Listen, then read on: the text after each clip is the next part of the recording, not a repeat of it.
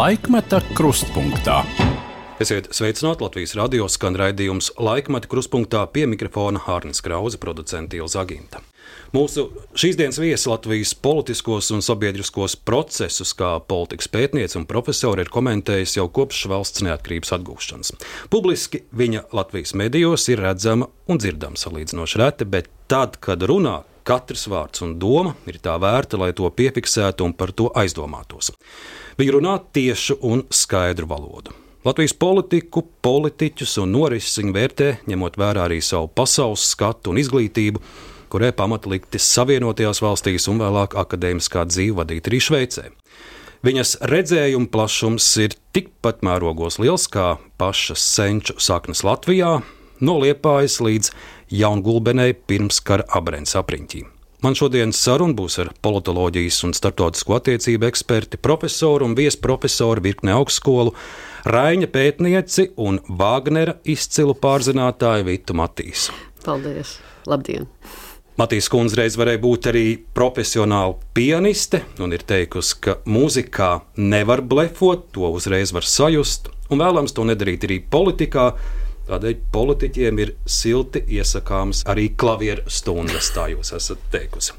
Par klavierēm un politiku mēs šodien noteikti runāsim, bet, ja reiz tā tēlēni esam iesākuši, nu, Krišāns Kariņš savu klavieru koncertu ir nospēlējis, mm -hmm. un mums ir uh, jauna iespējama valdības vadītāja, jauna pianista Evika Siliņa. Mūsu sarunu mēs ierakstām otrdienā, un mēs vēl nezinām, kas būs sestdien, kad raidījums skanēs ēterā. Mēs zinām, ka Latvijas politikā viss mainās nevien pa dienām, bet par stundām. Bet, um, Ja mēs pieļaujam, ka šonadēļ Latvijai būs jauna valdība, cik uh, daudz jūs esat šovasar sekojusi šai valdības krīzei? Protams, esmu sekojusi, kā jau uh, visi Latvijas iedzīvotāji. Ja. Un man jāsaka, ir viens konkrēts rezultāts, man šķiet, kas ir sasniegts šajos četros mēnešos, ja, nenoliedzam. Un tas konkrētais rezultāts ir tas, ja, ka, ja jau agrāk Latvijas iedzīvotājiem bija samērā zems novērtējums par politiskām partijām un politiķiem, tad šobrīd viņiem notiek noteikti šis novērtējums ir pat zemāks nekā agrāk. Ja. Es domāju, ka to varētu pat skaitliski izmērīt, ja ar aptaujām un tā tālāk. Šie maskēšanas manevri četru mēnešu garumā, lai nonāktu tieši tajās pašās starta pozīcijās, kā bija prezidenta ievēlēšanas brīdī, ja, tas ir mans personīgais uzskats, tas ir mazliet uh, iztērēts laiks. Uh, un arī, kā es uh, nu pat teicu, ka tas noteikti nav uzlabojis uh, politiskās vidas uh, novērtējumu latviešu iedzīvotāju acīs.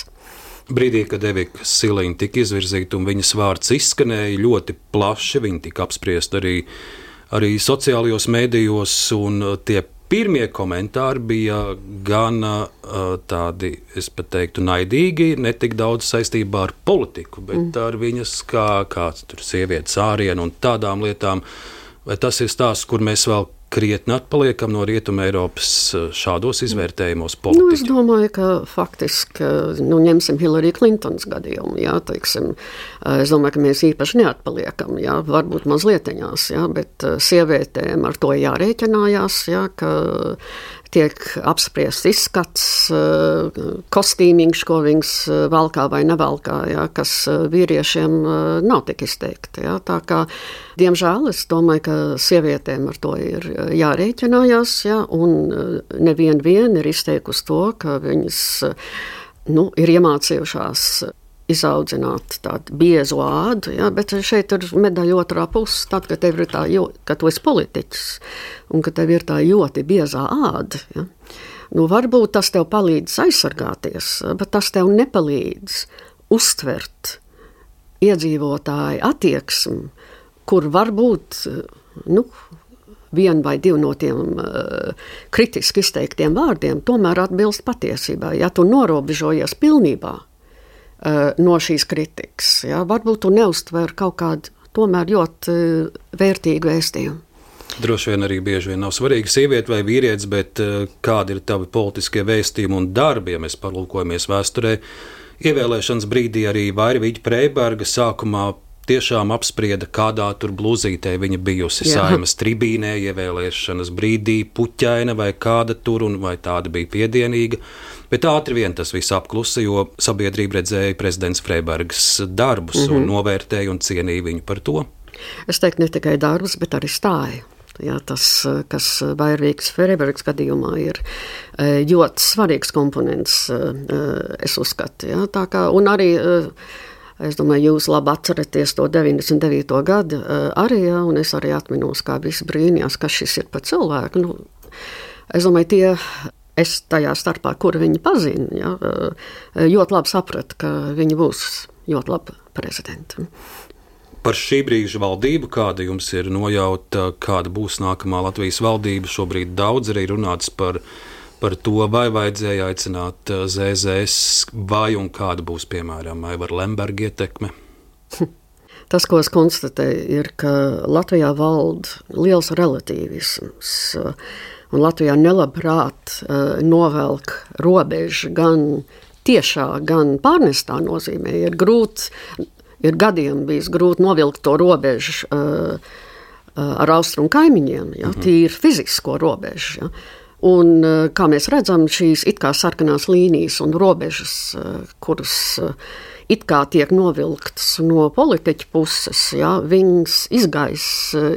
Nu, ir šis morālais relativisms, ko, ko var teikt. Ja, tas, kā es teicu, Latvijā valda samērā liels šis relativisms. Ja, es uzskatu, ka Latvijā, Latvija būtu labāka valsts tieši, ja būtu šī spēja skaidrāk novilkt robežas gan tiešā, gan pārnestā nozīmē.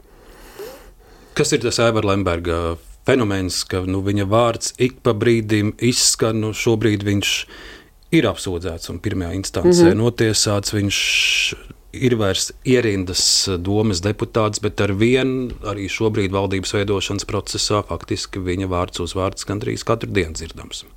Jā, nu, tur ir eh, tieši tā problēma, ka Latvijas iedzīvotāji neredz eh, vai nevar saprast tos procesus, kas notiek politikā. Šeit izvelk vienu zaķi no, no trusīta ārā no cepures piekdienu, ja izrādās tas ir bijis nepareizais trusīts, izvilksim vēl vienu, eh, teiksim, līdz. Kultūras ministrs. Jā, tie, tieši, jā, par kultūru es, es tagad runāju, nu, satracināsim tautu mazliet, jā. Nu, tā ir tāda spēlēšanās, man šķiet, ar, ar Latvijas iedzīvotājiem, jā, kas neliecina par nopietnu attieksmi domāju, pret savu vēlētāju. Nolūku darīts, jā. jā, nu, ir tāds versijas, jā, ka tas bija tāds maske, arī tāds maskēšanas manevrs, jā, iz, nu, satracināsim tautu mazliet ar šo kūta gadījumu, jā, un tad izvilksim īsto, kas tomēr ir pieņemamāks, jā, un tad visi būs mierīgi, jā, bet ja tas tiešām bija tā, jā, ka tas bija tāds maskēšanas manevrs, jā, bet tas, tas nav nopietni, tā ir tā ņirgāšanās par, par Latvijas iedzīvotājiem. Ja mēs varam iedomāties, kā politiķi, ja tas tiešām tā bija, kā politiķi vēroja šo, šo šūmēšanos un teica, ne. Rezultāts ir sasniegts, ja, un piedodiet, tas, tas nav, tā nav cienīga politika rīcība. Jūs jau sarunas ievadā minējāt par Latvijas iedzīvotāju zemo novērtējumu valdībai, politiskajām partijām Un teicāt arī, ka šis valdības veidošanas process noteikti to, to neveicināja, mm. lai tas uzlabotos. Es raugos arī nu, pat paši jaunākie Eirobarometra dati par to, kam Latvijas sabiedrība uzticas un kam neusticas. Tad šīs tabulas, uzticības tabulas priekšgalā ir armija, mediķi, un viszemākais vērtējums ir partijām, saimai un valdībai. Un Jā. tā tas ir gadiem.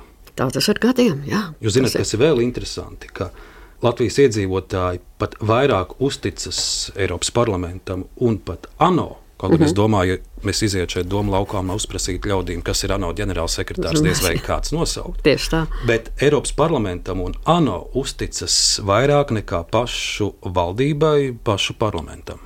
Jā, tas ir bēdīgi, jā, bet eh, šis process ir veidojies kopš 90. gada sākuma, ja, un jūs nu pat eh, pieminējat Lemberga vārdu. Ja. Eh, mēs visi esam vērojuši, tie, kuri sekojuši līdz politikai no 90. gada sākuma.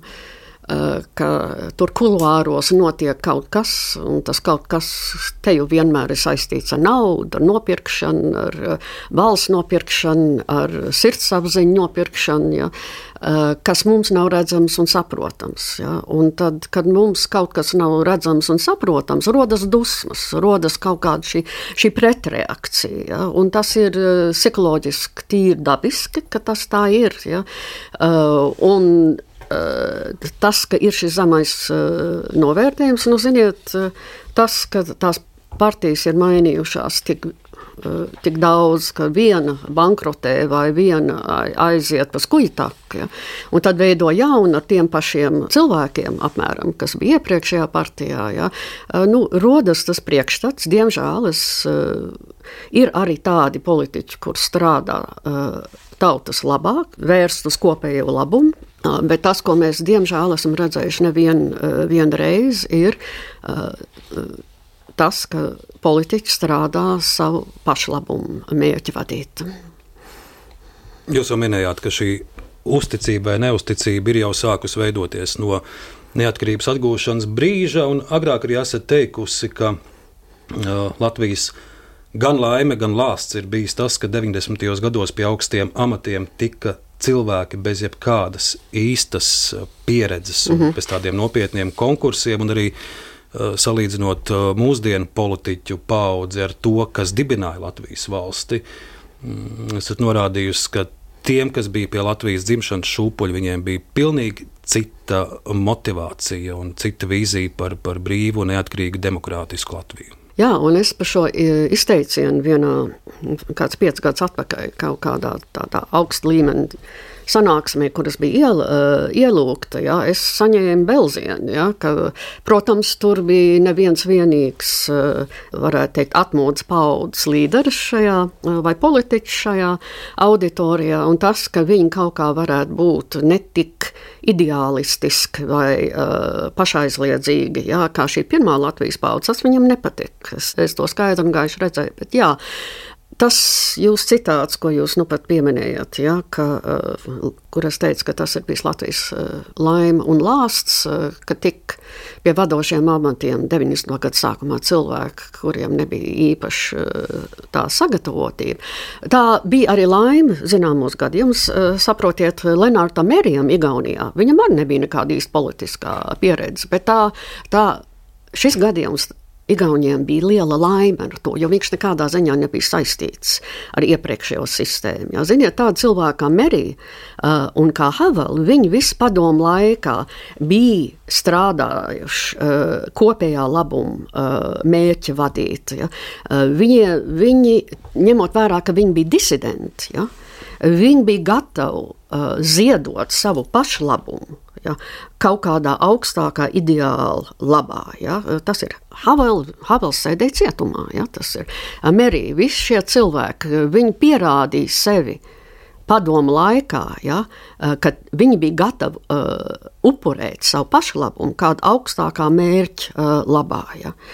Uh, un Tādēļ es uzskatu, tieši 90. gadu sākumā viņi bija ideāli valsts vadītāji, ja, jo viņi vienkārši turpināja to, ko viņi jau bija darījuši agrāk. Ja.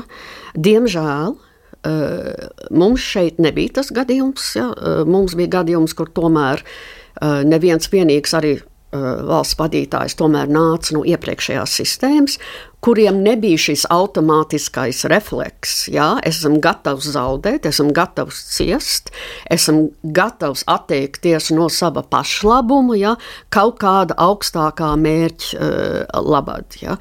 jā, es uzskatu, ka tā bija problēma. Un, ziniet, uh, Es esmu līdz apnikumam runājis par meritokratīju, ja, un ka tas Latvijā ir ļoti pietrūcis. Ja, bet es par to aizdomājos, ja, jo vakar skatoties, cik uh, priecīgi cilvēki bija sagaidot basketbolists, ja, un, uh, un kā viņi uzvarēja, un tiešām visi šajā brīnišķīgajā saulēnajā dienā viņi sagādāja prieku. Ja, bet, ziniet, basketbols un arī viss sports, un arī jūs pieminējāt uh, uh, pianistu, ka vajadzētu. Mm. Nu, uh, no šo piemēru, kur es kādreiz biju izteikusi, ja, ka klasiskās mūzikas nozarē tiešām valda vis, īstākā meritokratīja.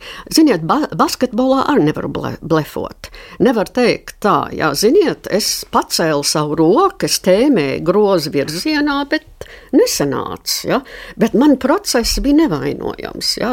Tas, ka man nav rezultāts, ja? tas, ka es tajā grozā netrāpīju, tas nekas, ja? bet man process bija nevainojams. Ja? Un sportā rezultāts ir viss. Ja?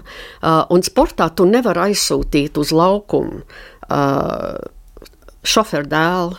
Ja, tu nevari aizsūtīt uz laukumu. Uh, radunieku tu nevari aizsūtīt uz laukumu uh, politiskās partijas biedru, kuram tajā brīdī nav darbs, ja, uh, jo tas vienkārši būs smieklīgi. Ja, tur tur bet, val... bet politikā to var. Politikā to var, un es domāju, ka. Nu, politikā to var, bet ne visās valstīs to dara. Tā kā ja būtu uh, izteiktāka šī meritokratīzes sistēma tieši politikā, valsts pārvaldā, pārvaldē, uh, ierēdniecībā, es domāju, mēs būtu uh, pirmkārt tie rādītāji, par kuriem jūs nu pat runājat, ja, būtu mazliet savādāk. Ja, teiksim, es domāju, ka būtu arī lielāka uzticība uh, politiķiem. Ja, un uh, Latvija arī dzīvot labāk. Jūs patiesi sarunās, intervijās bieži pieminat šo vārdu meritokratīju, un lai ļaudīm ir visiem ļaudīm skaidrība, kas tas ir, tātad tas ir, tas ir stāsts par to, ka procesus vada ļaudis, kuriem, kuriem ir kādi talanti gan, gan izglītībā, gan akadēmiskajā dzīvē. Ja? Nē, nē, cilvēki, kur ir izgājuši cauri kaut kādam atsijāšanas procesam, ja, tas ir. Es esmu tīrais meritokratījas produkts. Ja, tas maniem vecākiem nebija naudas, ja, bet Amerikā bija manā laikā tāds eksāmenis, eh, kur nolika visi vidusskolnieki nu, 11. Eh, klasē. Ja, un, ja tu atradies pirmā, nu, tajos vienos procentos eh, augstākā līmenī, ja, tev pat nebija jāpiesakās uz labākām universitātēm. Tev paskastītē pienāca šie piedāvājumi. Ja, un tā kā kaut kā maniem vecākiem nebija naudas un nebija, es negāju privātā skolā, ja, man bija šī bija iespēja, bija šis eksāmenis. Un es kā, es kā profesors un skolotājs, eh, es domāju, jebkurš skolotājs, kas mūs klausās šobrīd, vai mācību spēks, man piekritīs, eh, ka ļoti daudz ko var noteikt. Ja? Eh, pēc eksāmena rezultātiem, jau pēc pirmā kontrola darba, redzēt, kurš students ir nu, ar ļoti gaišu galvu, bet slinks. Kurš ir tas, kas ļoti cītīgi strādā, bet viņam nav šī kreatīvā puse, ja? viņam nav šī oriģinālā domāšana? Kurš ir tas, kurš eh, tā pērli, kur savieno šīs divas lietas, kurš ir gan cītīgs ar to, ka viņš tiešām apgūst to vielu, ja? bet viņam arī šī kreatīvā domāšana, un ir arī tas, kurš ir pilnīgi bezcerīgs, ja? Jebkurā klasē ir viss šis spektrs, ja, un to var samērā ātri pateikt. Ja. Tā kā meritokratīja ir tas, ka tie, šie cilvēki kaut kā tiek pārbaudīti, ja, ne, uz, ne uz dulotā, ja, ka, teiksim, kaut kāds jūs žurnālisti, es nezinu, kā jūs tikat šeit rādījumā, ja, jums nebija kaut kāds pārbaudas, ja, vai jāiziet cauri kaut kādam uh, vingrinājumam, lai pierādītu, vai jūs to mākat, vai jūs to nemākat, ja. Tā tā ir meritokratīja, ja tas, ka ir kaut kāds atsijāšanas process. Objektīvs. Un tur es pabeigšu šo domu Jā. ar basketbolistiem.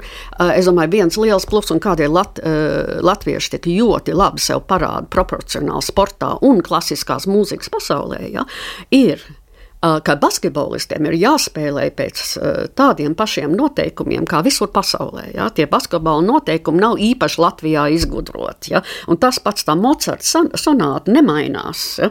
tā partitūra. Jau gadsimtiem. Jā, gadsimtiem. Viņi ir tā paši. Ja? Nav tādi īpaši Latvijai sagatavot liktu, likumu vai partitūru. Ja? Un tad, kad, tad, kad ir šie skaidrie noteikumi un latviešiem ir sev jāparāda, tad latvieši tiešām sev parāda ļoti izcilā veidā. Mēs runājām pirms brīža arī par 90. gadu sākumu, un pirms pāris nedēļām es šeit iztaujāju politiķu Sandru Kalnieti. Mm -hmm. Un viņa minēja tieši par 90. sākumu, ka viņai personiski tā bija liela vilšanās, ka ļoti ātri tie ļaudis, kas bija blakus tautas frontei un, un atmodas mm. sākumā, savā ziņā tika pabīdīti, aizbīdīti, un uh, pie, pie tā varas galda šķiet viņas citāds bija, ka atnācāt kampēju paudze. Jā. Tas ir uh, stāsts arī, kādēļ mēs šodien runājam, ka mēs esam uh, desmit gadus iepakaļ Igaunijai. Būt, jā. Es domāju, šī 4. maija paudze ies vēsturē ar to, ar savu alkatību. Ja, arī to neviens īpaši negrib dzirdēt, salīdzinot ar, ar Rainu un Aspāzijas ideālistisko paudzi. Ja. Un jā, tā kampēja paudze 90. gados jāpasvītro, es to vēroju no malas. Ja?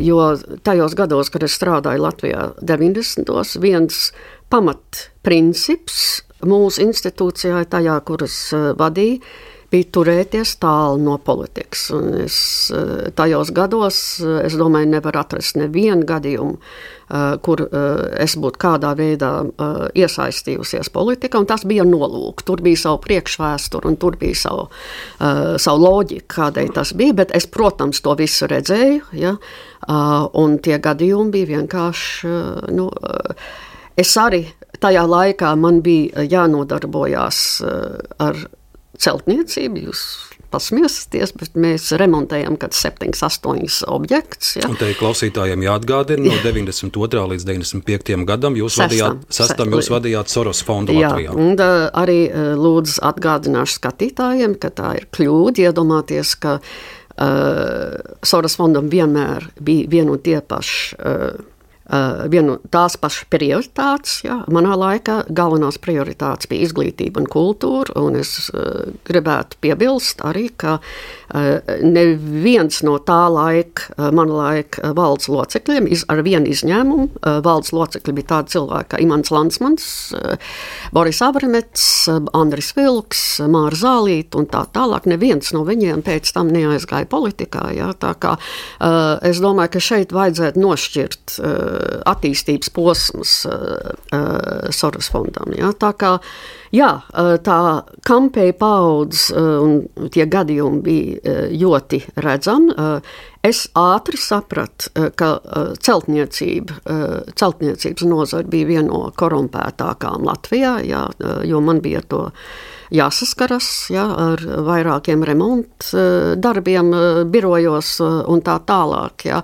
Un tas man atvēra acis. Ja. Es, protams, neredzēju, tā, kas tur notika aizmugurē. Es vienkārši redzēju to rezultātu un kā, ja jūs prasiet tāmē, ja, skaidri, lai pamato pozīcijas, tas viņiem bija neiespējami. Un, un tur bija daži, daži, dažādi arī krāpšanas gadiem un tā tālāk. Tā kā jā, tas 90. gados, diemžēl, bija, bija visur. Ja reiz mēs pieminām fondu, nu tad Sorosa vārdam mūsu ja. šodienas sarunā arī ir jāizskan. Interesanti, ka pēdējos gados eh, arvien mazāk tiek runāts, mm. nu, it sevišķi no Vēncpils puses, mm -hmm. tā sauktajiem. Sorosītiem, sorosiešiem. Es arī dažreiz tajos sarakstos Ak, tā, esmu iekļuvis, lai gan es pat tuvumā neesmu. Jūs vismaz esat vadījusi fondu, bet es tur pat tuvumā neesmu bijis. Es biju vēl tajā laikā pārāk maziņš, bet, jā. bet arī es tajos sorosītos jā. esmu dažreiz iekļauts. Eh, kas šis viss ir vai bija pa bubuli? tiešām kādu gadu neatceros, ka es kaut kur šo nikcīgo mm. tādu piezīmi tur sorosietis būtu lasījis, bet vienā brīdī ļoti aktīvi mm, visur. Dažādu Jā, nu, tā kampaņa uh, bija vērsta pret fondu zināmā laika posmā. Tas drīzāk bija 2000. un 2010. gada sākumā. Ja. Man šķiet, ka šī kampaņa tajā laikā nebija Latvijā. Ja, tā kā es nevaru sīk komentēt. Ja.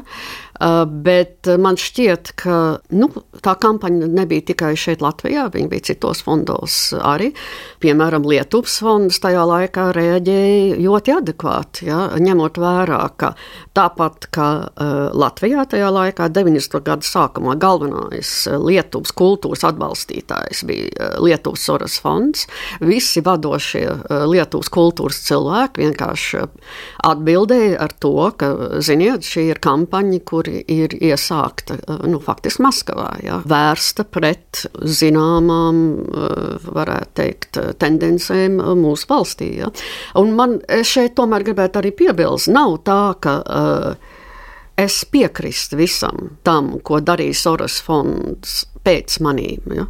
Ir kaut kādi pamatprincipi, kas ir gājuši cauri visiem šiem 30 gadiem, bet es arī skatījos un ne visam piekritu. Ja, jo es domāju, ka fonds varbūt aizgāja no tiem principiem, kas mūs mums bija svarīgi. Bet tas tikai pierāda to, cik lielu brīvību Soros kungs pats deva saviem fondiem. Katra valde varēja pati noteikt savas prioritātes, ja? un katra valde varēja iet citā virzienā. Pilnīgi falšs priekšstats, ja? ka tur kaut kāds manipulators Soros kaut ko viss kontrolēja. Nē. Nu, daudz par to runājas uh, gadiem Aivars Lembergs. Viņš tiešām Džordžu Soros ir pieminējis bieži, bet jūs pazīstot arī Džordžu Soros. Vai viņš vispār Vai viņš ir dzirdējis par tādu Aivaru Lembergu? Es domāju, ka nē. Jā. Uh, un es varu tikai uh, runāt, domāju, es varu runāt tikai par to posmu līdz 96. gadam. Es domāju, līdz 96. gadam viņš noteikti tādu Aivaru Lembergu, ne, par viņu neko nekad uh, nebija, nebija dzirdējis. Ja? Un, uh, un kādēļ? Es domāju, ka faktiski Aivaru Lembergu. Uh, Eh, nepatika pret Džordžu Soros, eh, nebija eh, tik ļoti liela, kā viņa nepatika pret varbūt dažiem cilvēkiem, kuri bija ap Soros fondu tajā laikā. Kā piemēram Sarmija Tēlere? Varbūt, es nezinu, es nemāku atbildēt, es nebiju Latvijā šajā laikā. Nu. Vēl pie šī Eiropa barometra pētījuma par to, kam Latvijas sabiedrība uzticas, es vēl vēlos jūsu vērtējumu par, par dažiem secinājumiem, kas nav pārāk laimojoši, piemēram, arī man, jo tajā neusticības tabulas lejas galā ir partijas, ir valdība, ir saima. Un tālāk sako mēdīja. Mēdīja ir apakšgalā, šobrīd nevis mm. augšgalā. ANO uzticis vairāk Latvijas nu, sabiedrība mazliet, nekā Latvijas mēdījiem. Tas ir, tas ir dīvaini. Kāds tas ir dīvaini. Nu, ir žurnālisti un žurnālisti. Tas ir, ir nopirktie žurnālisti, ir tāds jēdziens, ja, tas, to, tos mēs samērā vienkārši varam atpazīt. Ja.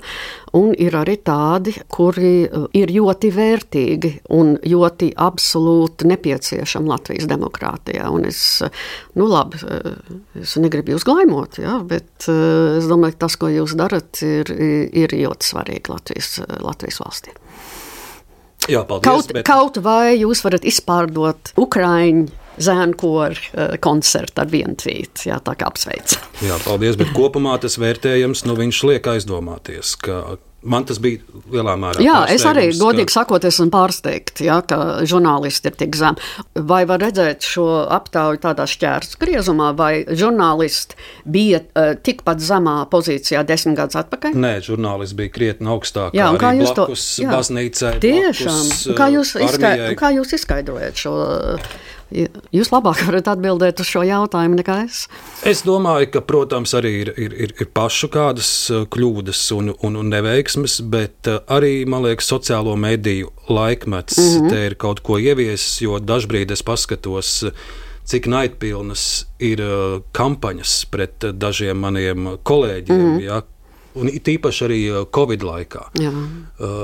Ja, ja žurnālists nointervēja kādu infektuologu, tad labāk bija nevērt vaļā Facebook un komentārus, kas tur gāzās mm -hmm. pāri. Varbūt, un es arī redzu, ka ir tāda kampaņveidīga, varbūt dažkārt arī tāda vēršanās pret kādu no maniem kolēģiem, mm. kurš varbūt kādam ekonomiskam grupējumam nelabvēlīgus mm -hmm. rakstus vai kādām bankām vai ko. Tas varbūt arī ir ietekmējis ļaudis. Jā. Jā, es domāju, ka tas ir ļoti būtiski, ko jūs tur pieminat, ka šie pēdējie desmit gadi tieši sakrīt ar sociālo mēdīju laikmetu. Ja, šī, eh, šī falšā informācija eh, ir jo, izplatīta ļoti ātri.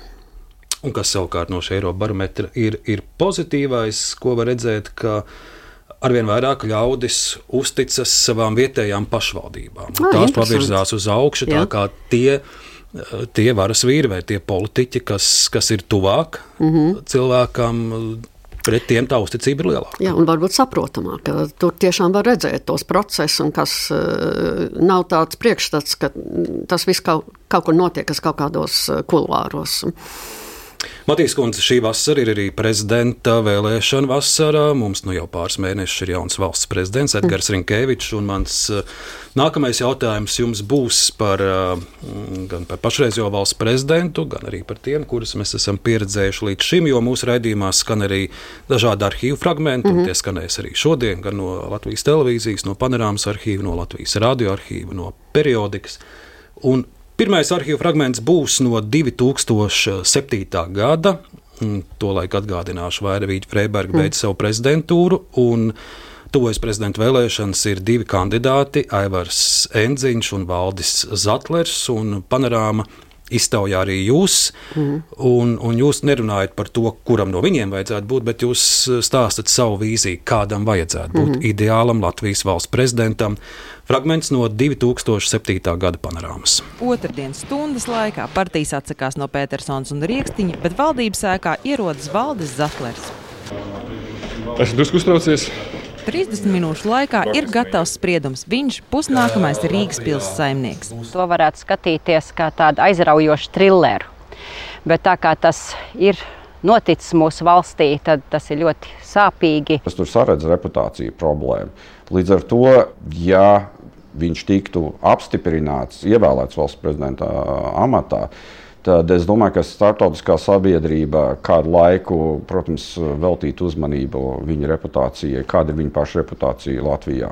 Korupcija un savējo sistēmu nosaka visu.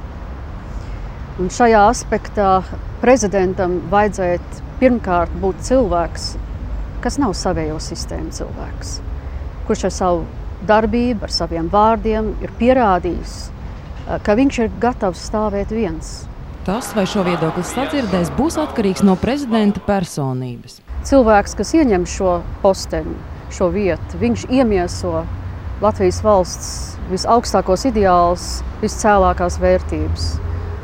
Un tas nozīmē, ka šim cilvēkam, kas ieņem šo vietu, eh, viņam ir jābūt ar savas tautas, ar savas valsts kultūras un vēstures garīgo bagāžu. Nu, lūk, šāds mm -hmm. jūsu komentārs, nu jau var teikt, tālajā 2007. Jā, tas... gadā pirms parlamenta balsojumu, Jā. kad bija jāizšķirās starp Pēnzeņu un Zatleru, bet, bet tā jūs doma, ko jūs toreiz teicāt, ka prezidentam ir jābūt cilvēkam, kurš nav no savējo vidus, un tam ir jābūt cilvēkam, kuram ir visaugstākie ideāli. Mm -hmm.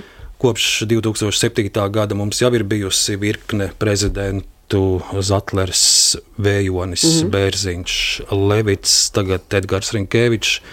Kā mums ir veicies ar prezidentiem un viņu izraudzīšanu? Ja mēs pieminam šo 2007. gadu, man šķiet, ka vajadzētu atminēties, eh, eh, ka viens, eh, viena motivācija izvirzīt Zatlarkungu tajā laikā bija tieši tas, ka visas partijas bija novērojušas, cik populāri un cik veiksmīgi bija Vairvīģa Freiberga tieši šī iemesla dēļ, ka viņa nebija savējā.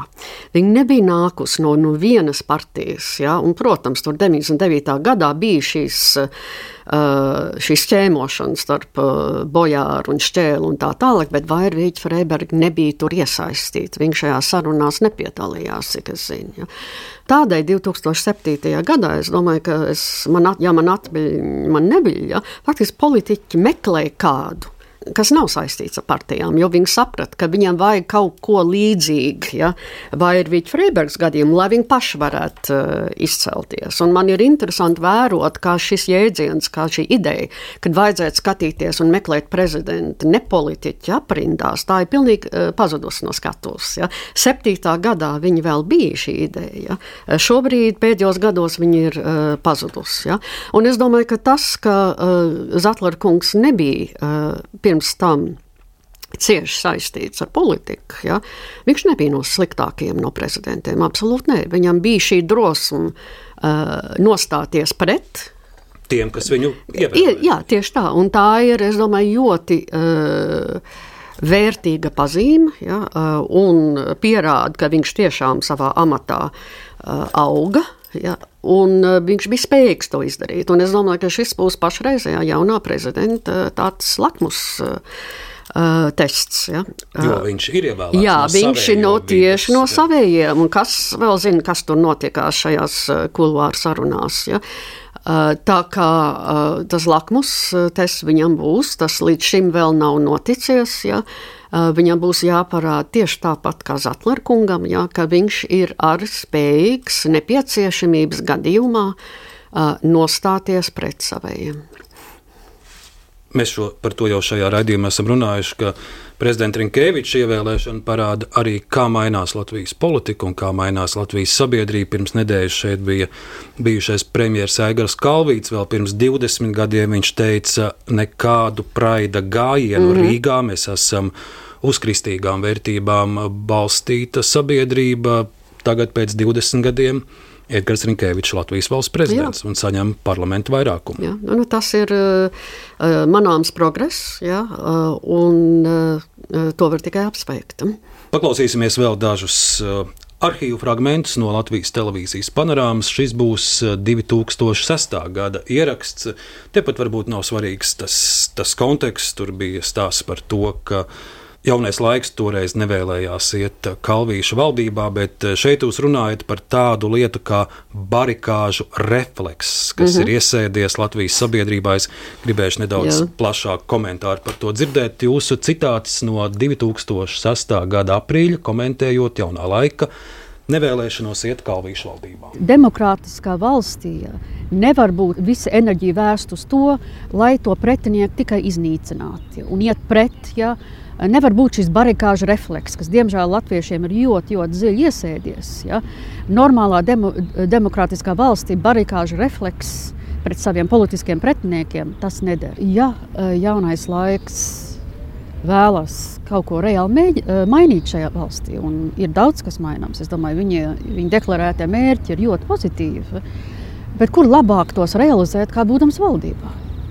Man šķiet, ka ja ir šeit divi varianti. Vai nu jūs strādājat valdībā un jūs tiešām reāli eh, mēģināt kaut ko mainīt, ja? vai arī ko, ko, uz ko viņi cer? Mainīt visu politisko sistēmu, apvērsumu, valsts apvērsumu, diktatūru. Es īpaši nesaprotu. Nu, lūk, arī jau 17 gari gadi Jā. aiztecējuši kopš šī brīža, bet, bet atkal nu, mēs eh, šo situāciju varam arī attiecināt uz šodienu un mm. šī mhm. brīža valdības veidošanu. Toreiz runāja par jauno laiku, kāpēc nevēlas nākt. Tagad mēs to varam attiecināt, piemēram, uz apvienoto sarakstu mm, vai jā, Nacionālo, vai nacionālo apvienību. Arī, jā, tas ir, uh, ir Bet kas ir šis barikāžu refleks, kur jūs minat? Es to pieminēju kontekstā, jo es samērā sīk biju izpētījusi. Raina un Feliks Cielēnu un Austa Krauzes Ozoliņas un Annes Ķēniņas nepublicēto korespondenci no Uh, Pirmā pasaules kara laika, kad viņi visi atradās Šveicē, ja, kad viņi mēģināja uh, vienoties un dibināt tādu uh, Latviešu biedrību Šveicē, ja, nu, lai varētu paust vienot nostāju pret uh, notikumiem Latvijā Pirmā pasaules kara laikā. Ja, tur, uh, šis, tur tā ideja par šo barikāžu refleksu man arī radās, ja, jo uh, šie visi bija cilvēki, kur bija piedzīvojuši piekto gadu. Un 5. gadā bija skaidrs, bija pretinieki ja, mm. un bija latvieši, kur gribēja izpaust savu neatkarības vēlmus. Un šis bija tas dabiskais refleks latviešiem. Ja, ir, ir tikai divas puses, tos vai nu pret, vai par. Un varēja skaidri un gaiši redzēt šajā. 17. gadā, kad viņiem bija šī korespondence, tikai desmit gadi bija pagājuši kopš tā 5. gada. Un varēja redzēt, ka viņiem bija ļoti grūti tikt pāri uh, šim automātiskam refleksam, ka tas, ja viņš man nepiekrīt, viņš ir ienaidnieks, ka, ir, uh, esam, uh, ka viņš ir nepareizā pusē, viņš izprot lietas ne, uh, nepareizi.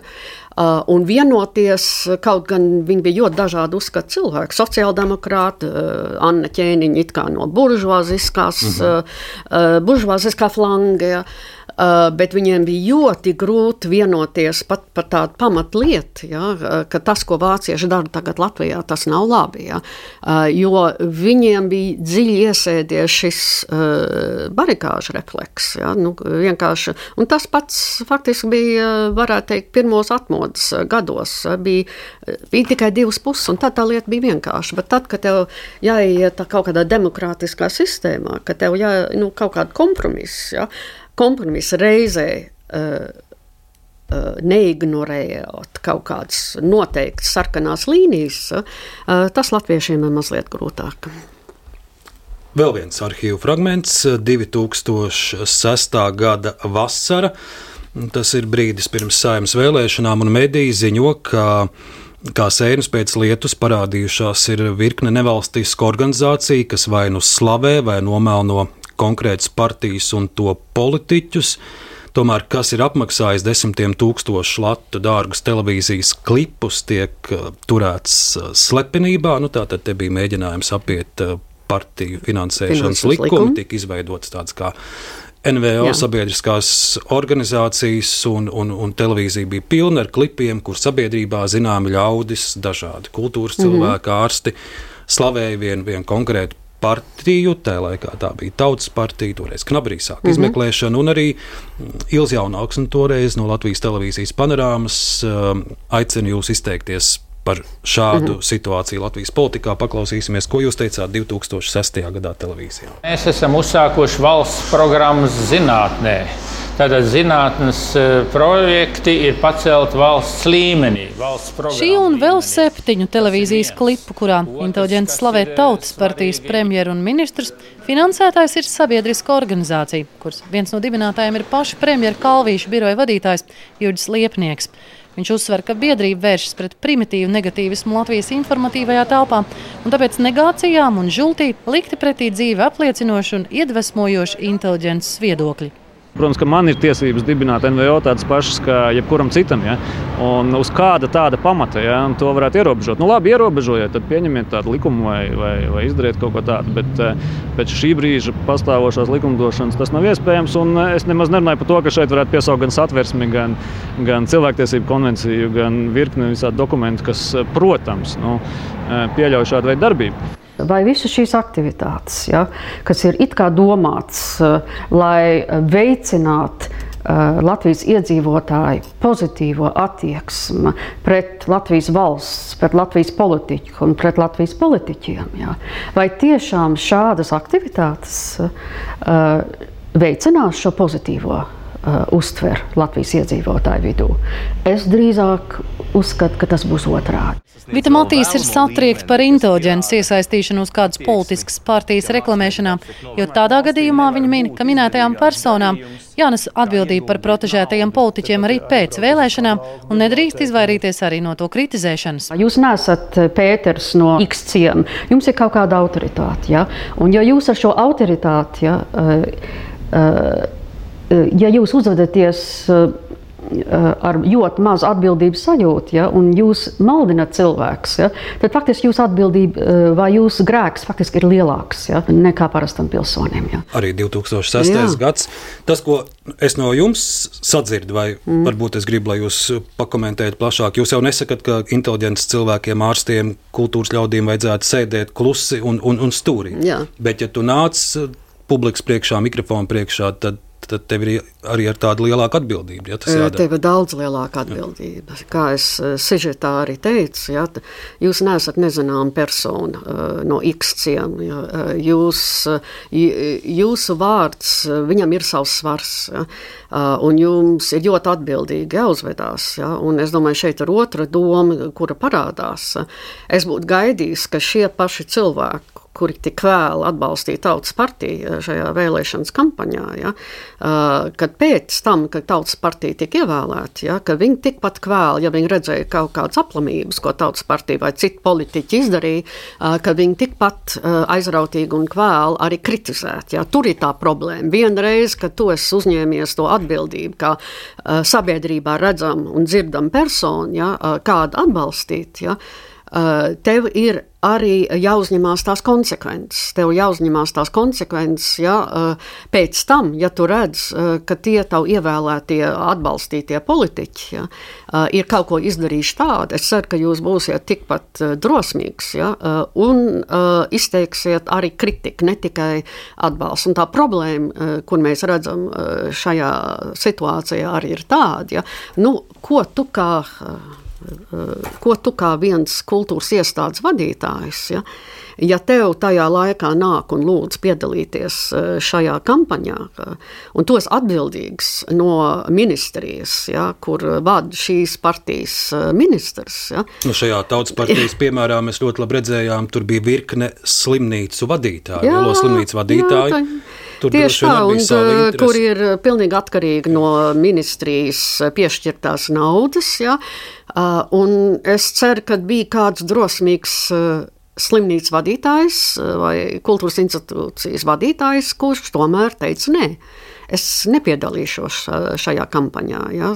jo es uzskatu, ka es neesmu politiska marionete, ja? un es negribu, es negribu piedalīties. Nav tā, ka mūsu arhīvos es atrodu tikai jūsu fragmentus par partijām un politiku. Nākamais skanēs no Latvijas radiofonotēkas 2006. gada aprīlis. Ir Latvijas radio saglabāts ieraksts no sarīkojuma Vāgnera lasījumi. Un, tajos piedalāties arī jūs. Un, un te būs tas fragments, kur jūs saredzat sakritības starp uh, Nībelu un Gredzenu un, un, un Latvijas politisko situāciju. Atminat, kādas jūs es sapināt? Absolūti nevaru atminēties, ko Tad es toreiz teicu. Jā. Paklausīsimies 2006. gads Vāgnera lasījumi. Tajā pašā otrajā cēlēnā ir vēl viena problēma situācija, kur gandrīz pārāk skaisti, tiešām brīnišķīgi sakrīt. Es ielidoju aizvakar, ja, un tagad uh, ar ziņām tagad ir liels prieks salīdzināt, gatavojot šorīt šo tekstu. Ja, nu, zvanu, lai komentētu Latvijas politisko situāciju. Tādas brīnišķīgas sakritības ir. Ja? Uh, uh, sakritības ar Latvijas politisko situāciju šodien. Ja? Jo šeit kas ir reina zelts? Reina, uh, šeit ir runa par morāles un ētikas trūkumu varas koridoros. Votāns, tas ir Dievs, pār visiem valdītājs. Tikai uz brīdi viņš šķiet šokēts tad, kad loža ierosina nozagt gredzu no Alberta. Bet viņš ātri vien iesaistās darījumā. Varas un naudas vilinājums visiem ir pārbauda, ne tikai tiem, kuri atrodas augstos amatos. Alberiks tiek sodīts par savu iedomību. Uz mirkli mēs varam priecāties, ka tiek sodīts tas, kas ir ļaunprātīgi izmantojis varu. Aizmirstot, ka mums katram piemīt šis vilinājums darīt to, ko mēs vēlamies darīt, bez domāt, nedomājot no, par konsekvencēm. Viens tā, viens grib kā prasti zakt ar spēku paņēmieniem, lai tiktu pie varas un naudas, otrs ir kā pie tās varas un naudas, bet tik likumīgā veidā. Pirmais pārmet otram, ka viņa grēki ir lielāki, jo viņš it kā savu morālo latiņu ir pacēlis augstāk. Otrais pārmet pirmajam, ka viņam nav tiesības vispār runāt jebkādās morālās kategorijās. Jā. Jo viņš bija tas pirmais, kas iesāka visu šo karu. Tā kā ziniet, tas viss kā ko atgādina. Tas stipri, stipri vien ko atgādina. 2006. Jā. gads, Wagner lasījuma. Te varbūt tā skaņas kvalitāte nav, nav, nav tā pati izcilākā, bet, bet tā jūsu pamatdoma ir, ka tā ir varas un naudas vilinājums, tā, tā visiem ir pārbauda. Jā, ne tikai politiķiem, protams. Jā, es domāju, ka uh, ir arī tāda tēze, jā, ka uh, daži politiķi tiek atbalstīti. Uh, vai partijas tiek atbalstītas tādēļ, arī kaut gan ir skaidri redzams, ka viņām ar šo varu un naudas pārbaudi ir gājis, kā ir gājis, jā, jo tie viņa vēlētāji paši ir tādi. Jā, ka, uh, viņi īpaši neredz tur problēmu. Par varu un naudu jūs daudz esat pētījusi un izzinājusi arī Raini. Vai arī viņam, piemēram, bija šādas, šādas pārbaudas viņa priekšā? Kā kur katram cilvēkam, ja? bet es domāju, ka Raina gadījumā viņš, ja ko viņam var pārmest, bet pārmest viņam, ka viņ, viņš būtu naudas kārs, ja? un ka viņam tā, tas būtu bijis galvenais dzinulis, to gan nevar. Ja? Tas, viņš tiešām bija liels ideālists, ja? nu, kā jebkuram cilvēkam viņam bija savas blaknes, ja? bet Viņš tiešām bija izcils eksemplārs no šīs ideālas paudzes, ja, kurai uh, nauda un vara uh, bija otršķirīga. Es Rainu pieminu tādēļ, ka dienā, kad mēs ierakstām Matīs Kundu šo raidījumu, Jā. Vakar Rainim bija dzimšanas diena, Jā. šodien Rainim ir viņa aiziešanas diena, un arī viens fragments būs no 2017. gada Latvijas televīzija panorāma Andrēja Volmārs sižets, un tajā jūs runāsiet arī par Raini un Šveices laiku, jo šeit ir stāsts, ka ir iznākusi literatūras zinātnieces Gundagas Grīnumas mm. pamatīgs darbs, Jā. grāmata Viņpus Alpiem, Rainus un Aspazija kur ir tieši pētīts uh, viņa abu politiskās emigrācijas laiks Šveicē, kas tiek uzskatīts par visnoslēpumaināko abu dižgaru biogrāfijās. Tad nu, fragments no 2017. gada. Šveice ir tā vieta, eh, no kurienes vesela paudze, ne tikai Rains un Aspāzija, arī Miķels Valters, Pauls Kalniņš un tā tālāk, no kurienes viņi saskatīja neatkarīgās Latvijas kontūrus. Ja? Varētu pat teikt, ka tā inteliģents paudze, kura izsapņoja uh, un uh, izveidoja neatkarīgo Latviju 1918. gadā, uh, ka tā paudze bija patiesāki eiropieši nekā 91. gada paudze. Kādēļ? Ja? Uh, jo viņi bija ilgus gadus mācījušies un dzīvojuši Eiropā, īpaši Šveicē. Jā, es tikai mazliet oponēšu. Jūs ievadam mazliet. Jūs teicat, ka Šveices periods ir visnoslēpnākākais eh, periods Raina un Aspāzijas dzīvē. Es īpaši eh, jums nepiekrītu, jā, jo tajā laikā viņi bija spiest rakstīt daudz vēstules, jo viņi bija nošķirti no Latvijas. Viņi, viņi bija nošķirti no arī pārējiem uh, latviešiem, uh, kuri dzīvoja Šveicē. Tādēļ viņi rakstīja ļoti daudz vēstules. Uh, un, ja jūs izsakojat uh, vēstuli korespondencē, jūs varat ļoti daudz ko uh, uzzināt no uh, viņu dzīves. Jā, jā bet šis. Uh, Jā, es esmu ar uh, Kastuņolu, un Rainu un Rainu Naspāzijas tēmu strādājis ilgus gadus. Jā. Es ar, uh, iepazinos 80. gadu sākumā ar Lugano vēstures arhīvu vadītāju, tādu Antoniju Žīlī, kurš arī bija atbildīgs par uh, par Rainu un Aspāzijas muzeju, kas atradās viņa, viņa telpās. Uh, un viņš īpaši viņš tika iecelts kā jauns direktors 80. gadā. Viņš īpaši nezināja, ko ar šo dā, zāli darīt. Viņš gribēja viņu likvidēt. Nu, ko esmu mantojis, un viņš īpaši nesaprata. Ja. Un es kā jauns students atbraucu, ja, un mums bija tāds labs kontakts. Viņš runāja tikai itāļu un franciski, un palīdzēja tas, ka es varēju, jo visi tie pārējie uh, latviešu uh, trījus pārstāvji runāja pārsvarā vāciski vai angliski, viņš nevarēja, viņš īpaši nesaprata. Un tie bija vecāki paudzes cilvēki, tā kā mums veidojās labs kontakts, jā, un es, lai es sapratu, lai tas muzejs varētu tur turpināt būt, uh, ir, viņam ir jābūt interesi par Latviju. Viņam tas ir jābūt interesanti. Ja? Un es pirmo reizi faktiski, jūs varētu izvilkt to arī kā uh, fragment. Es pirmo reizi viņu atvedu uz Latviju 85. gadā. Ja? Tieši tajā nedēļā mēs bijām šeit Latvijā, kad uh, nomira Černenko ja? un Gorbačevs tika iecelts. Ja? Un viņš bija tādās, uh, tur bija tieši pirmo reizi svinēja Aspāzijas dzimšanas dienu, martā 85. gadā. Un jūs, jums varbūt ir grūti iedomāties, ka, ka nu, tas bija samērā riskanti. Tā, jo uh, Aspāzija visus tos gadus, padomu gadus, bija drīzāk uh, persona non grata.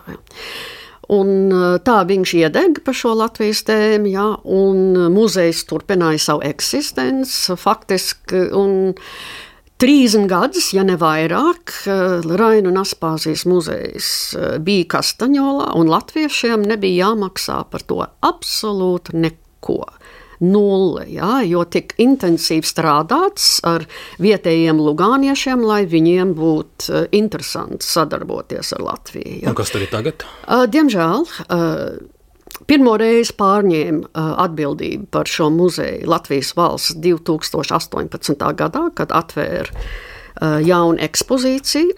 Un tur jāsaka paldies tālāk kultūras ministrai Dācai Meldbārdei un departamentu, muzeja mm. departamentu vadītājam Garjānu kungam.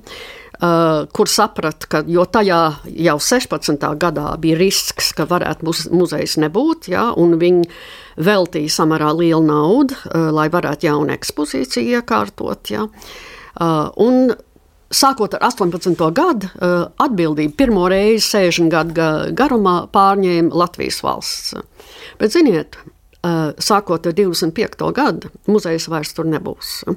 Latvijas valsts īpaši nevarēja, vai nemācīja, vai nesaprata, ka muzeja iekārtošana, ko viņi izdarīja ļoti labi, ja, tā ir viena lieta, tas, bet tas ir tikai varbūt 5% no darba apjoma. 95% darba apjoms tur bija uh, intensīv, uh, intensīvs darbs ar vietējiem cilvēkiem, komunikācija un tā tālāk. Un man nesaprotam iemeslu dēļ. Uh, Oficiālās Latvijas institūcijas trīs gadu garumā neuzskatīja, ka šī komunikācija bija uh, nepieciešama. Jā, varbūt es kaut ko tur neredzu un nesaprotu, ja, kādēļ tas tā bija.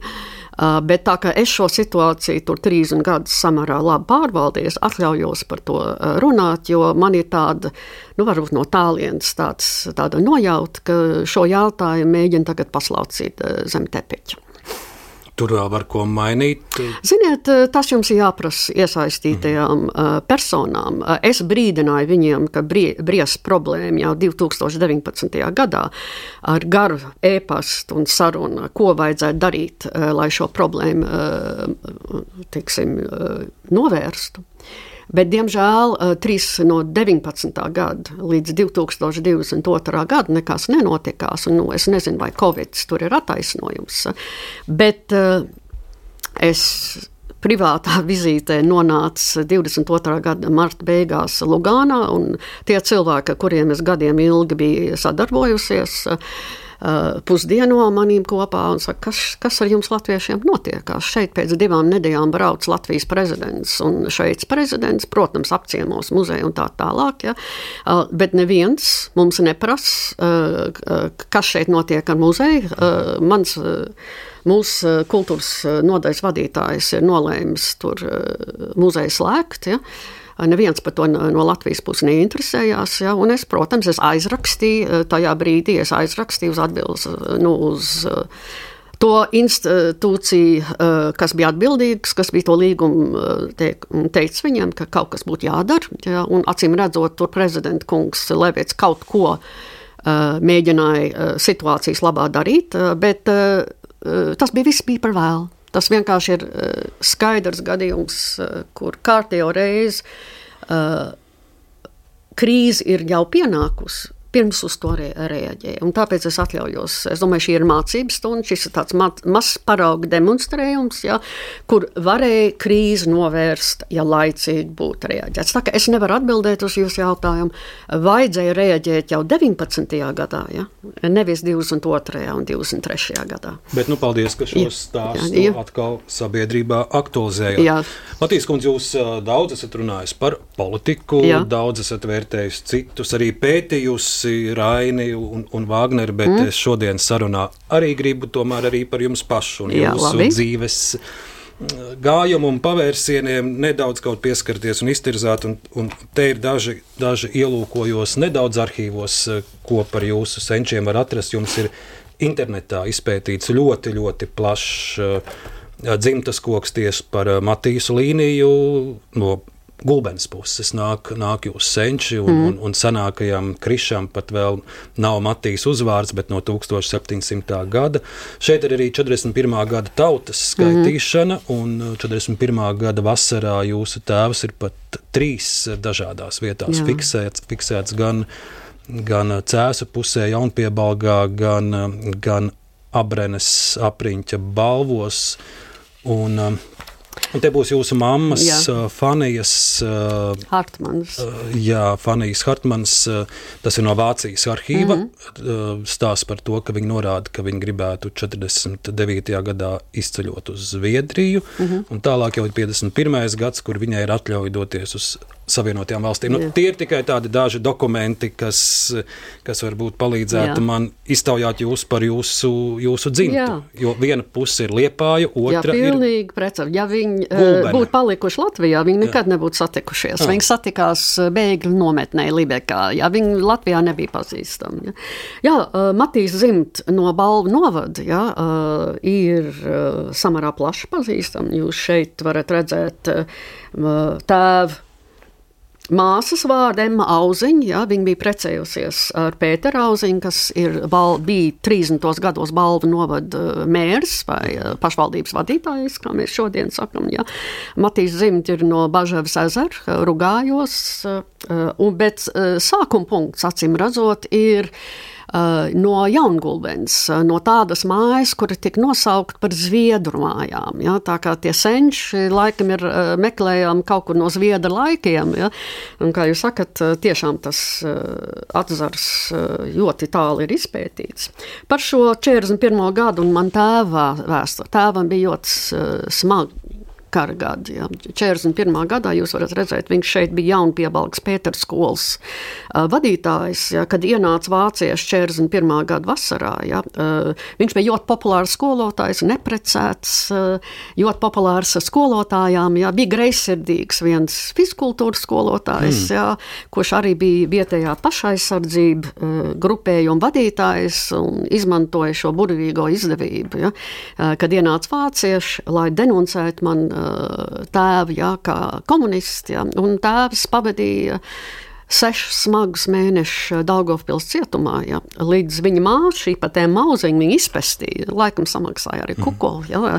Ar, ar lielu drosmu gāja garām visiem sargiem cietumā, un līdz viņi tik līdz īstam cilvēkam, lai samaksātu īstam cilvēkam, lai izlaistu brālīt ārā, kurš ir netaisnīgi apvainots. Ja. Tas tā kā 41. gadā, 40, 42. gadā viņš tika izlaists no cietuma Dārgopilī. Un 44. gadā tika iesaukts leģionā. Ja? Uh, viņš karoja slavenā Ernesta Laumaņa triecienu bataljonā, uh, Fizlieru bataljonā.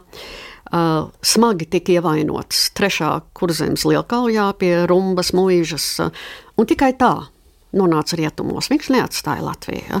Viņš tika spiests uh, atstāt Latviju, jo viņš bija smagi ievainots, un vācieši tomēr uh, evakuēja savus uh, smagi ievainotos, un tā viņš nonāca šajā Vācijas, uh, Vācijas nometnē. Ja.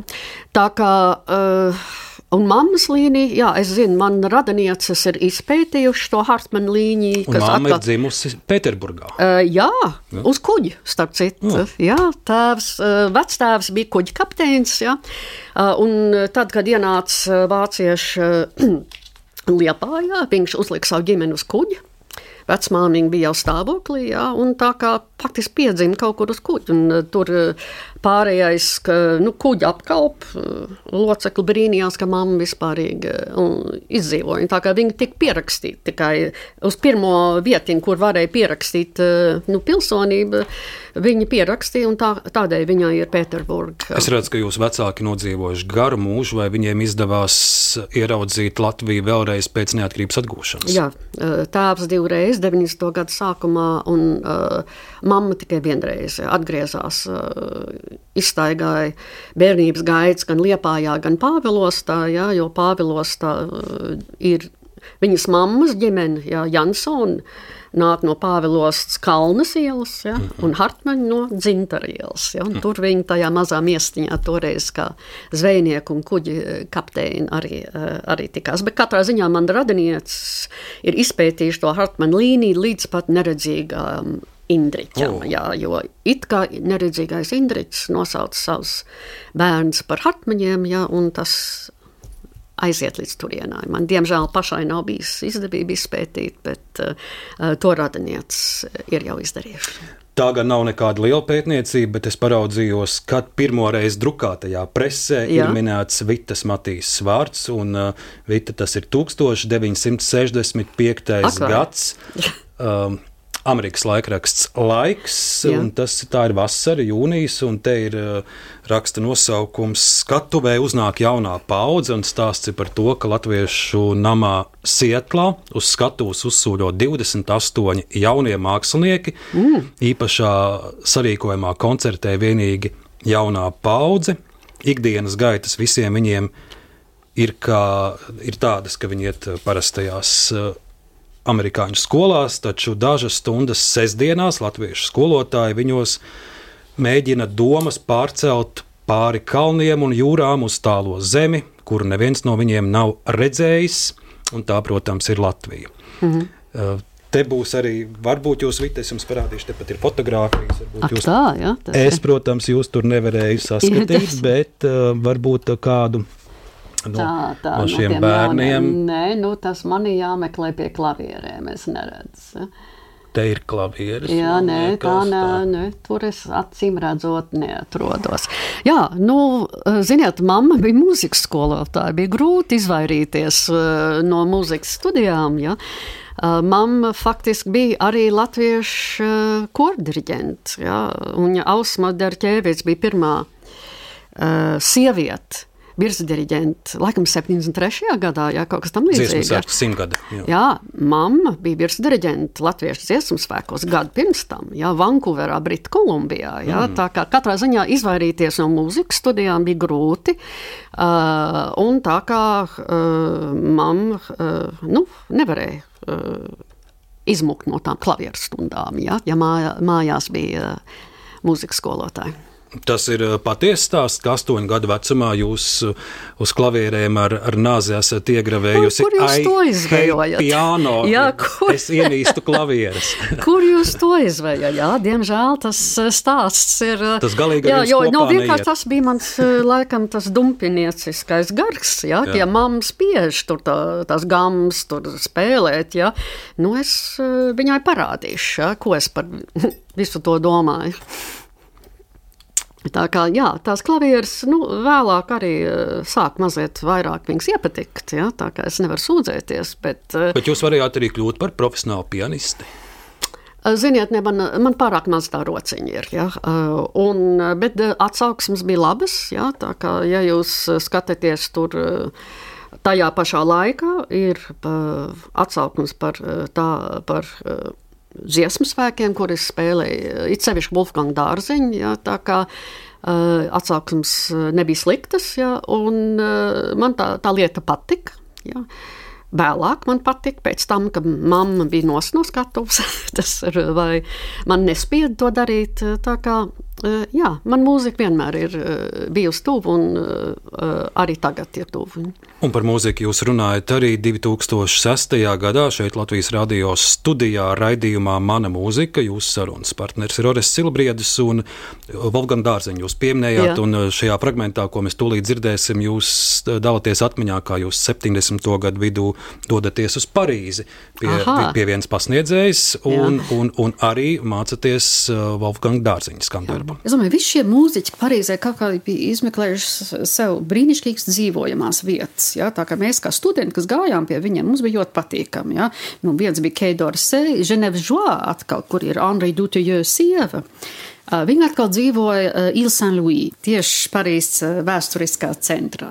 Un tur arī bija viens tāds slavens saldējumu veikals. Tā kā tur varēja atkal pirms uh, stundas, jo nu, viņa bija samērā bārga kundze. Viņa nebija tik mīlīga kā Dreifus. Ja?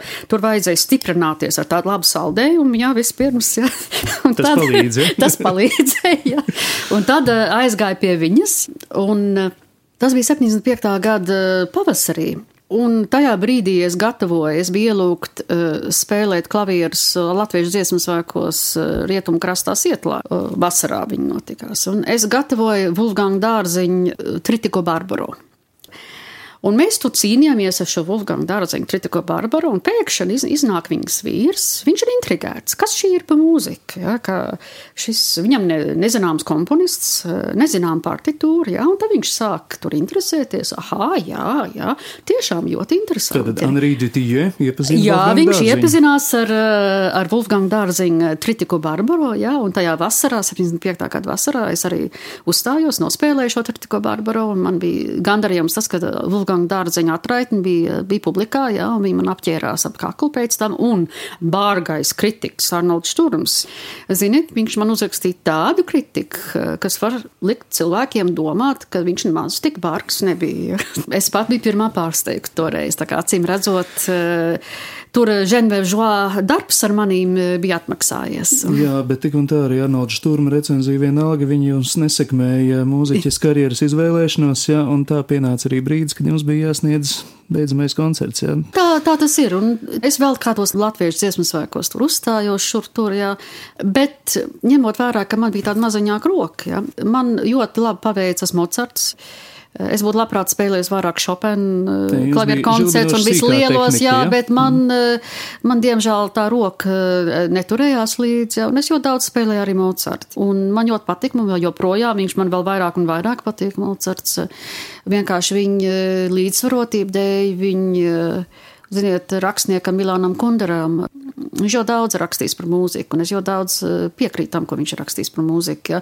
Ka Mocards bija viss mūsu civilizācijas kulminācija, apoģēja, un kopš tā laika ir bijusi tikai lejupslīde. Eh, man šķiet, ka mans pēdējais eh, koncerts, ko spēlēja kopā ar orķestri. Jā, tas bija Mocards koncerts K453. Pašās beigās, trešā nodaļā, ir tāds galops. Man vienmēr bija grūtības noturēt to galu. Nu, lūk, tādas atmiņas no 2006. Jā. gada. Vienmēr grūtības noturēt to galopu. Jā, tā, tā tas ir. Jā, tas, uh, vēl joprojām man šodien dzīvē ir grūtības sevi bremzēt. Bet klavieres vai tās ar vienu ir jums blakus, vai kādos brīvos brīžos sev spēlēt, vai kādā draugu jā, lokā? Vai... Jā, bet ziniet, tas ir mazliet. Uh, frustrējoši, Jā. kā nelat, izmantoši nelatvisku vārdu, ja, ka tu skaidri zini, ka tu 30, 20 gadus atpakaļ varēji perfekti nospēlēt šo sonātu vai šo etīdi. Ja. Un tagad tev jāmocās, ir, ja, jo, jāmokās, jo, jo tu nevari īsti tos akordus tā tūlīt uz sitienu, jo es, es katru dienu nespēlēju klavierus.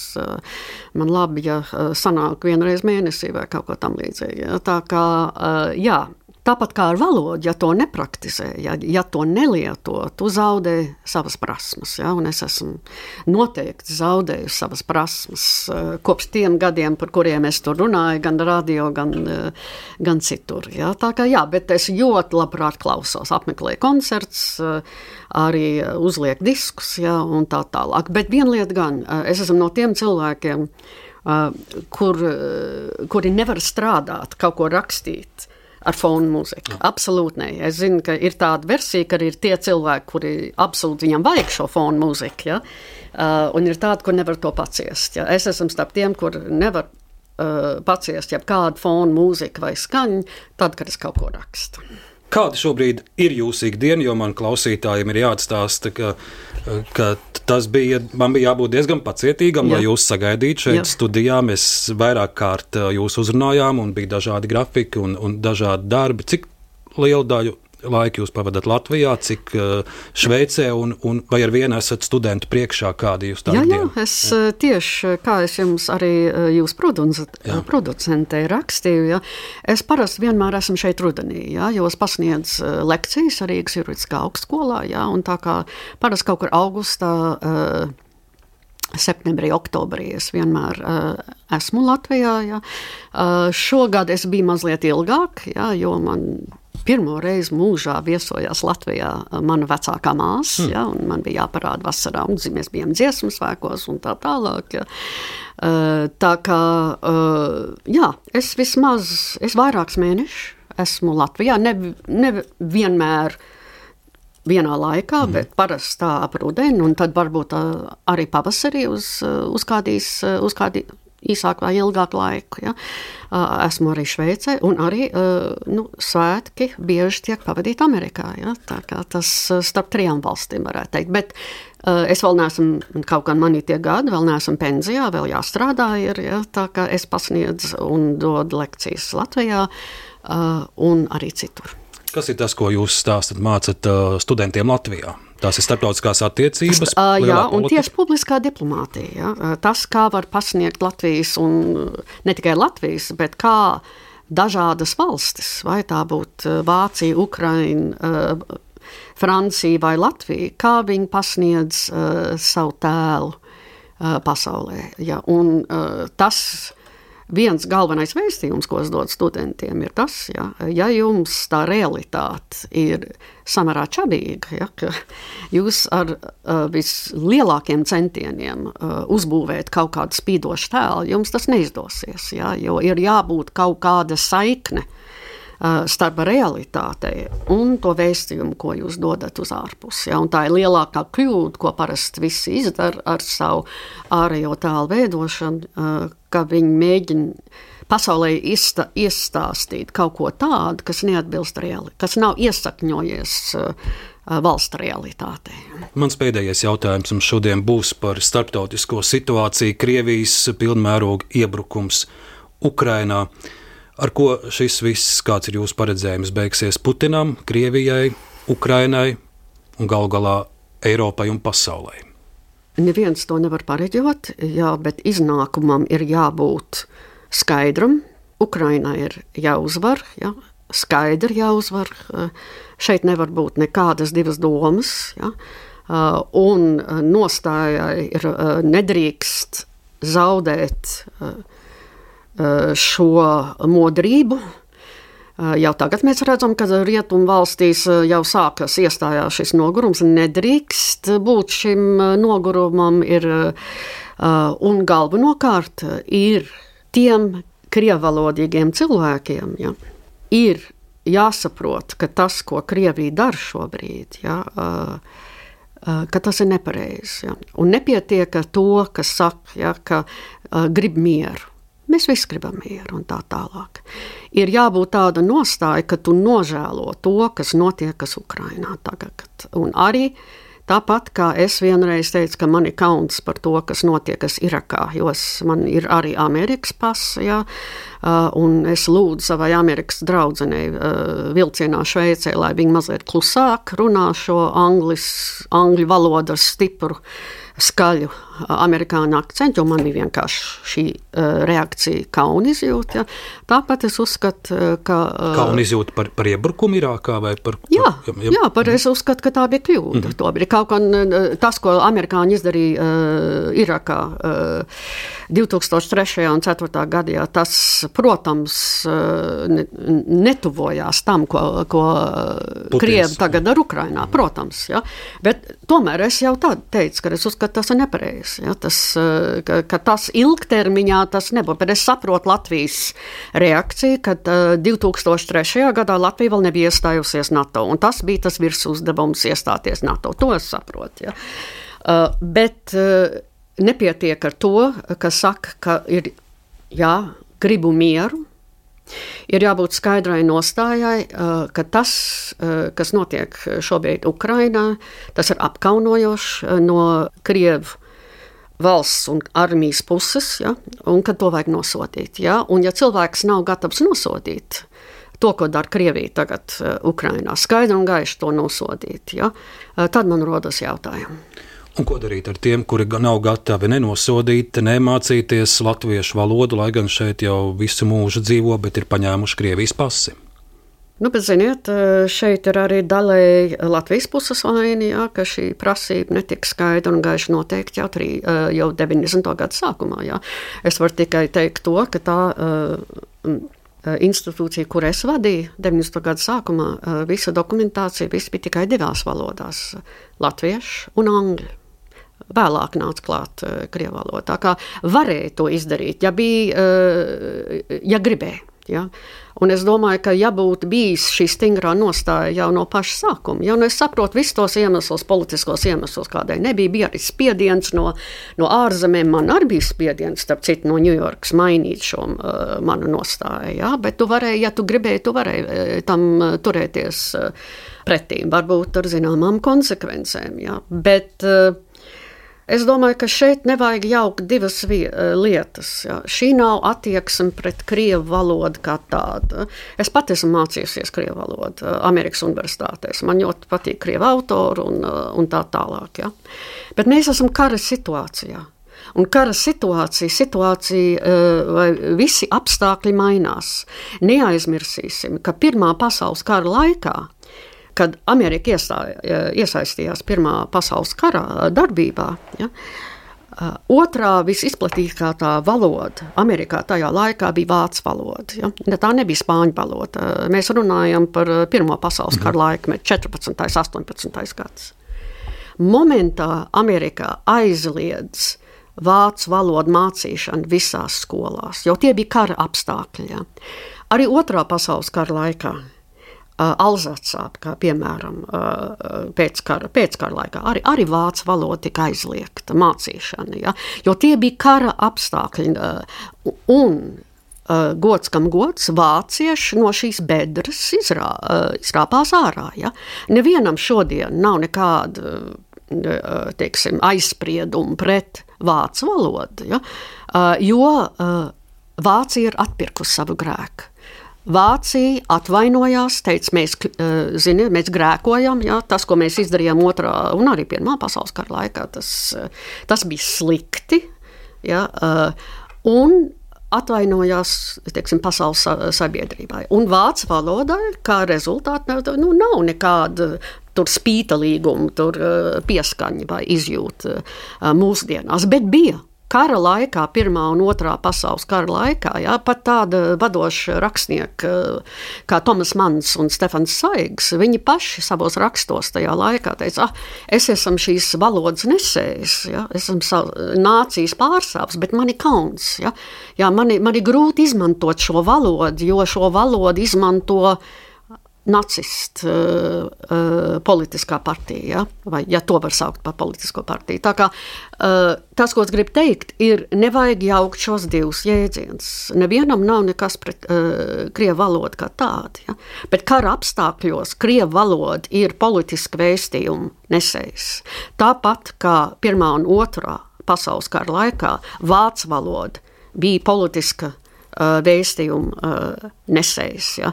Tad, kad karš beigsies, un cerams, ka karš beigsies ar Ukraiņas uzvaru, tad cerams, Krievija ies to pašu ceļu, kā gāja Vācija pēc otrā pasaules, atvainosies, ja, mēģinās atpirkties, ja, un tad pēc tam, cerams, vairāk gadu pēc tam, arī Krievu valodai nebūs šī varētu teikt, negatīvā pieskaņa. Cerams, ka karš beigsies ar Ukraiņas uzvaru. Ar šiem jūsu spēcīgiem vārdiem es šodien likšu punktu mūsu sarunai un saku lielu paldies, ka atsaucāties mm. raidījumam Laikmeta kruspunktā. Šodien mūsu studijā bija politikas zinātniece Vita Matīs. Pie mikrofona Arnēs Krause, producents Ilze Agīnta par skaņu gādāja Nora Mitspapa. Turpiniet klausīties Latvijas radio.